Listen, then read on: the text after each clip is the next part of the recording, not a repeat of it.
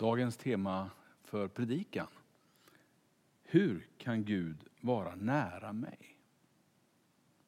Ja, man kan fråga, vill Gud vara nära mig? Vill jag att han är nära mig?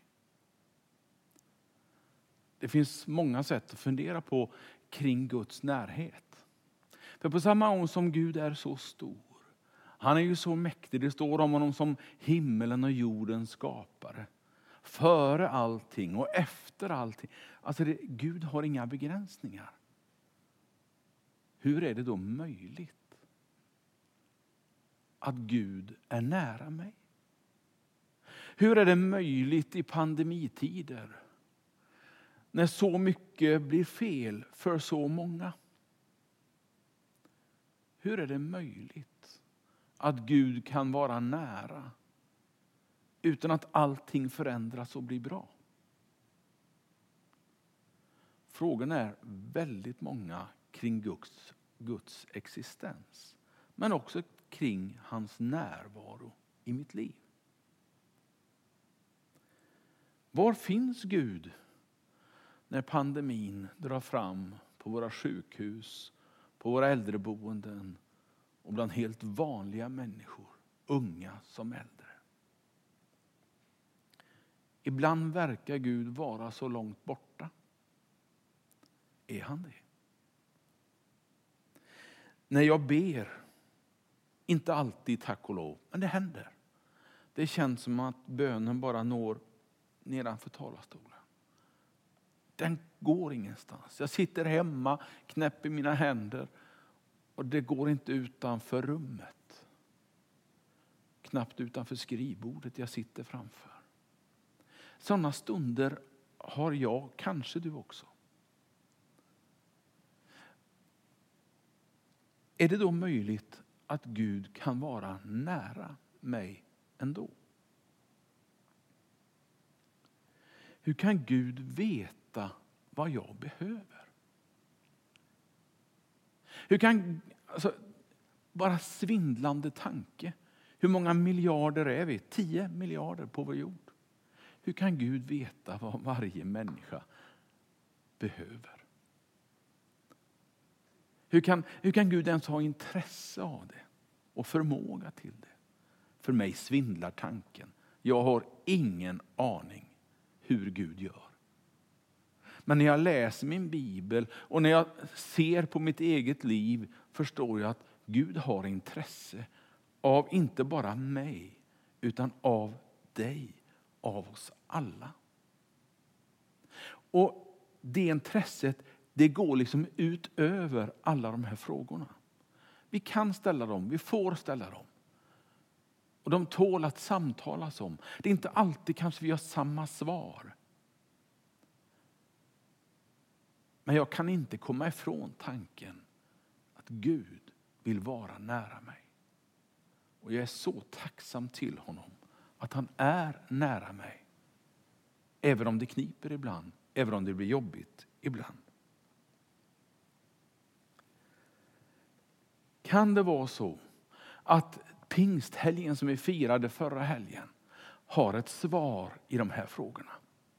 Kan det vara så att den helige ande som Jesus sände till människorna, som han bad dem om, lärjungar, mina vänner, vänta här, det kommer en annan hjälpare, sa han. Kan det vara så att det är så Gud är närvarande i mitt liv?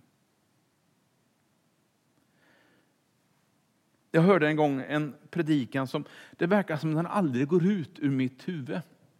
Det här är, kan vara 70-talet till och med. Ja, det är ju så länge sedan så en del var ju inte födda då, men det får vi ta. Det var uppe i Stockholm en pastor som hette John Gichu, ifrån då världens största församling i Seoul på ungefär 200-250 000 medlemmar. Vi är väl 270 här i, i Pingst i Tibro, eh, 270 stycken. Men eh, jag har lite svårt att tänka mig hur, hur stort det där är. Men han höll en predikan och skrev om det i en bok om Guds adress. Var finns Gud? Och jag kanske är lite barnsligt, men eh, du får ta det. När jag ber, har Gud någon postadress som, där han samlar ihop alla bönerna? Liksom? Alla böner som skrivs som e-post, alla böner som skrivs i mitt hjärta. Alla böner som sänds till en himmelens Gud just idag, just nu. Finns det någonstans där Gud liksom har en mottagning för dem där och samlar dem på hög liksom och bearbetar det? Är det där Gud bor? I så fall är ju Gud inte nära mig. Om du går till Mose och frågar så säger Mose förmodligen, ja Gud, ja men det är nog i lagen Gud bor. I de tio budorden, i Torarullarna, tårarullarna, i lagen, de fem Moseböckerna som vi kallar det. Där finns Gud, där bor Gud. Om du går till Israels störste konung, konungars konung i Gamla testamentet, kung David och frågar var finns Gud, David? Så kanske han säger Gud bor i Saltaren. Gud bor i Saltarsalmen. Gud bor i alla de jag har skrivit, alla de som de andra författarna har skrivit i Saltaren. Där bor Gud. Gud bor i våra böner, i vår tacksägelse, i vår förtvivlan. Där bor Gud. Går du till profeterna, de är ganska många i Gamla testamentet, och frågar, jag, då kanske de svarar, ja men Gud bor ju i våra profetior. Det vi har förutsagt, det vi har avslöjat, det vi har berättat om i profetböckerna, där bor Gud. Eller är det så här att Gud bor i himlen. Punkt. Ja, man kan åtminstone fundera på det. Jag tror inte att Gud bor på de där molnen som man ibland ser honom avtecknad på. Det tror jag bara är moderna konstnärers brist på kunskap egentligen. Eller på humor och fantasi, jag vet inte. Men om Gud bor i himmelen, hur kan han vara nära mig? Hur kan jag få känna Guds närhet? Han ville ju att det liv som vi lever här på jorden, att det skulle vara en närhet mellan honom och människan. Jag läser från Bibelns första blad om hur Gud skapar människan till sin avbild, till en slags gemenskap. Det står om bland de första bladen att Gud går omkring i en vacker trädgård och letar efter människan, för människan har gömt sig. Gud söker gemenskap med människan till och med. Om du går till Jesus och frågar Jesus, var är Gud? Då säger han, Gud, min far, säger han. Han och jag, vi är ett. Jag är Gud. Jag är den som ska vara i din närhet. Det var hans budskap till lärjungarna. Men så vet både du och jag om den där helgen, tio dagar efter påsken, nej tio dagar före pingsten, förlåt, Kristi himmelfärdshelg. Hur han lämnar lärjungarna. Lämnar Gud dem då? Nej, Gud han är mycket mer gemenskapssökande än så. Han lämnar oss aldrig. Vad händer? Jo, bland det sista han säger Jesus till sina lärjungar vänta nu här. Ta det nu lite lugnt. Pusta ut. För det kommer en möjlighet, det kommer en kraft. Det kommer någonting. Det kommer en helig ande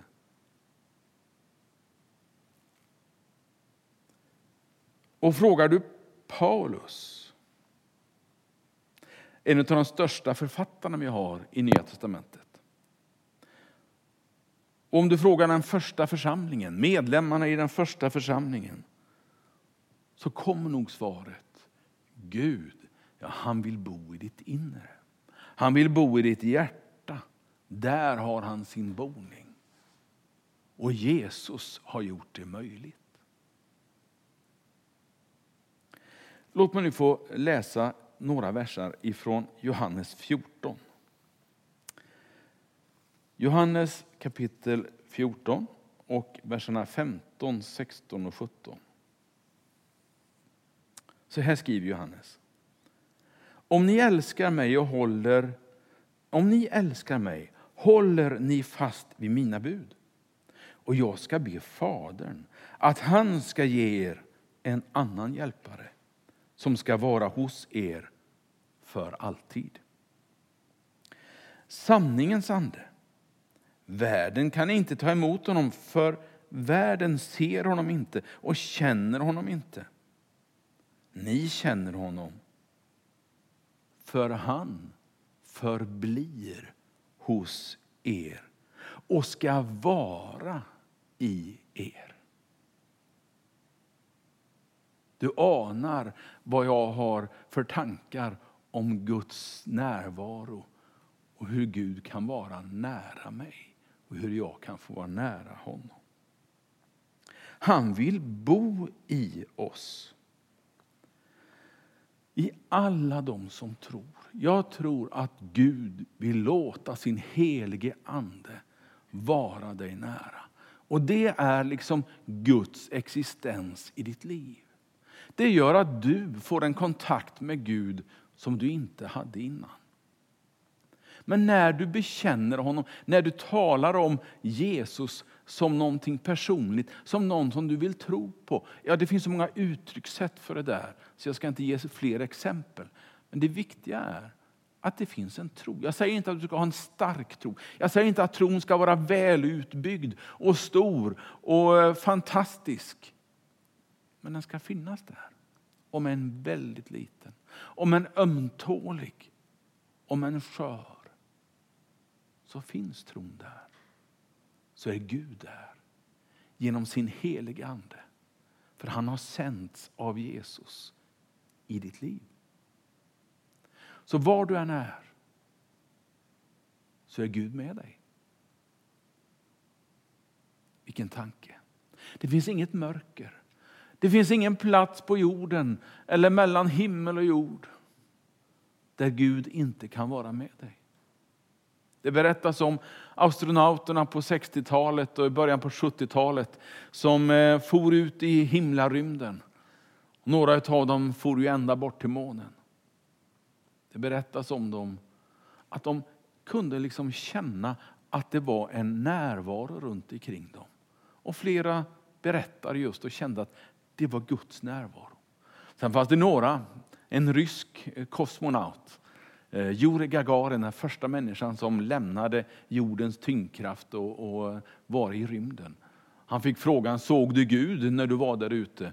Nej, sa han, det gjorde jag inte. Ja, det ser du, då finns inte Gud. Och så var det det budskapet som gick ut ifrån den sovjetiska regimen.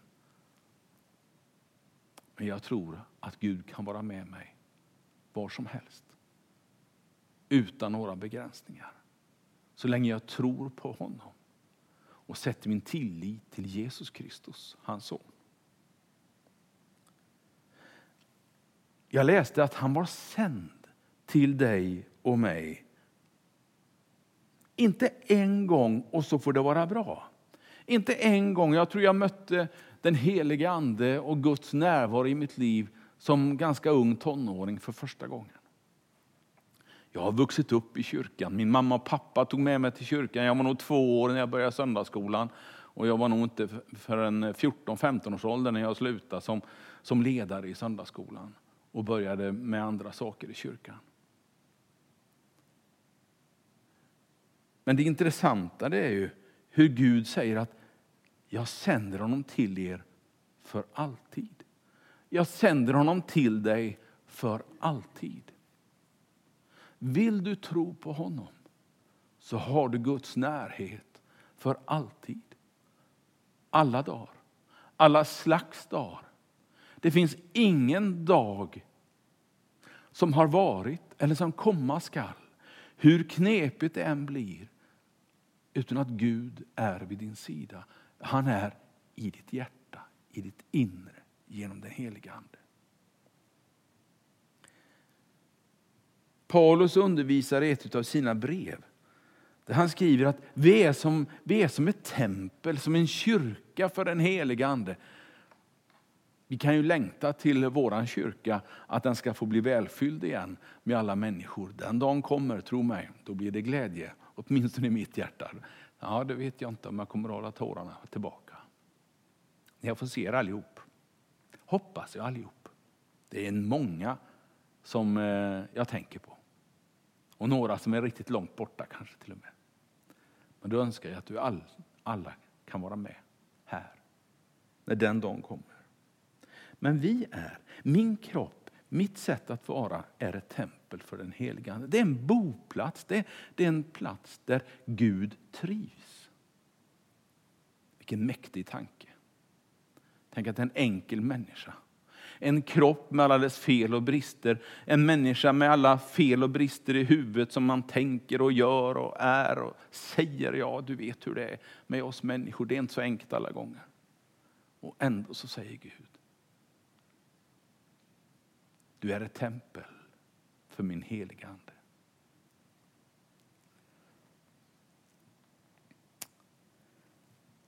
Vad gör den helige Ande i oss? Vad vill Gud göra i mig när Gud finns där?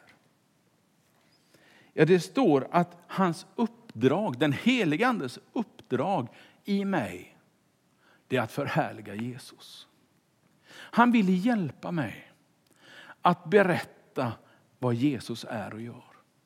Han vill hjälpa mig att vara likadan som Jesus var. Åtminstone försöka. Åtminstone bli lite mer. Jag tror att det är den helige Ande som liksom gör de troende levande. För det står i Bibelns språkbruk som att innan jag tror, då är jag så som död. När jag blir troende, då får jag liv. Ja, jag vet att det, det är inte fysiskt den beskrivning som jag tänker på, utan det har mer en andlig beskrivning. Men man kan tänka den typen av funderingar. Kanske det är den helige Ande som gör att mitt liv blir Jesus-centrerat. Att mitt liv handlar om Jesus mycket mer när jag börjar tro på honom. Det är den helige Ande som inspirerar. Som, tack och lov får jag känna det ganska ofta när jag predikar, när jag förkunnar Guds ord, hur den helige Ande inspirerar mig i att vara och säga. Men vet du, jag kan känna samma inspiration när jag sitter i väntrummet till tandläkaren eller på ett sjukhus eller sitter i bilen och kör. Så kan jag ibland känna det där, ja, ah, så ska vi göra, så är det. Jag kan känna den där inspirationen ifrån det gudomliga på ett ganska okomplicerat och enkelt sätt, men ändå. Jag tror också att det är den helige Ande som leder mig. Som leder sin församling. Visst har vi ledare som eh, är satta till att leda församlingen. Vi har en pastor, och det råkar vara jag, som eh, leder församlingen. Men ytterst sett så är det Gud som leder sin församling genom den helige Ande. Och han vill leda dig och mig på sin väg. Det står också att Gud är genom den helige Ande vår svaghet till hjälp. Det är ytterst få människor som aldrig upplever svaghet. Och om det är någon så skulle jag gärna vilja prata med den personen, för det är en oerhört spännande personlighet i så fall. Jag tror att de allra flesta upplever svaghet ibland. Och då kommer Gud mig till hjälp när jag upplever svaghet, när du upplever svaghet. Det står också om den helige Ande och Gud att i kyrkan, i församlingen, bland de kristna så har han gett gåvor som han vill dela ut till de kristna. Genom sin ande. Gåvor som jag inte har och gåvor som jag har som han förädlar. Andliga nådegåvor talar vi om ibland. Men det finns också tjänster några som är väldigt skickliga att göra vissa saker. Några som Gud gör skickliga att göra vissa saker. Några som Gud vill ska tjäna lite extra i Guds församling. Det här är bara ett litet urplock av allt det som Gud kan göra genom mitt liv, genom den heliga Ande. Så jag tror att Gud vill vara nära dig. Jag tror att Gud kan vara nära dig. Och jag önskar att du vill att Gud ska vara nära dig. Har du aldrig tänkt de här banorna förut? Det kanske känns lite nytt och ovant att tänka så. Varför inte tänka det för första gången? Varför inte knäppa dina händer och be? Herre, jag vill att du kommer nära mig. Jesus, jag vill tro på dig. Och kontakten finns där. Jag vågar lova dig. Med andra ord, den pingst som vi har firat handlar om den heliga Ande. Låt pingstens ande bo i ditt liv. Amen.